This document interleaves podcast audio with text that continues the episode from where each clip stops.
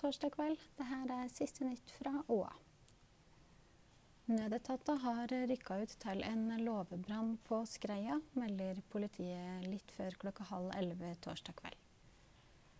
Operasjonsleder Per Solberg i Innlandet politidistrikt sier til OA at dyrene er ute av låven, og at ingen personer skal være skadd. Skadeomfanget er foreløpig ukjent, og det er heller ikke kjent om det er spredningsfare. Tidligere fiskeriminister Per Sandberg og avtroppende ordfører i Lillehammer Espen Johnsen er blant dem som har søkt en, en nyoppretta direktørstilling i Nordre Land. Jeg har vært på intervju og kommer til å ta jobben om jeg blir tilbudt den, da skal jeg, sammen med andre, gjøre Nordre Land til landets beste kommune. Det sier den tidligere statsråden og for tida deltaker i TV-programmet Skal vi danse, Per Sandberg. Du kan se hele søkelista på oa.no.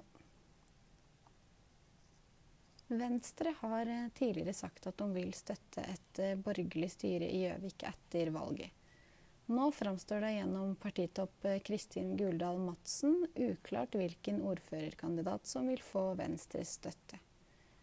Madsen har tidligere uttalt at hun vil støtte et skifte i Gjøvik-politikken etter 96 år med Arbeiderpartiet i styret.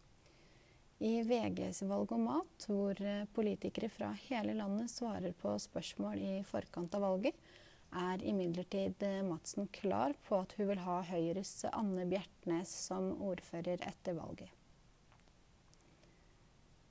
Livsviktig behandling kunne blitt gjort på Raufoss, men eh, der er det stengt annenhver dag.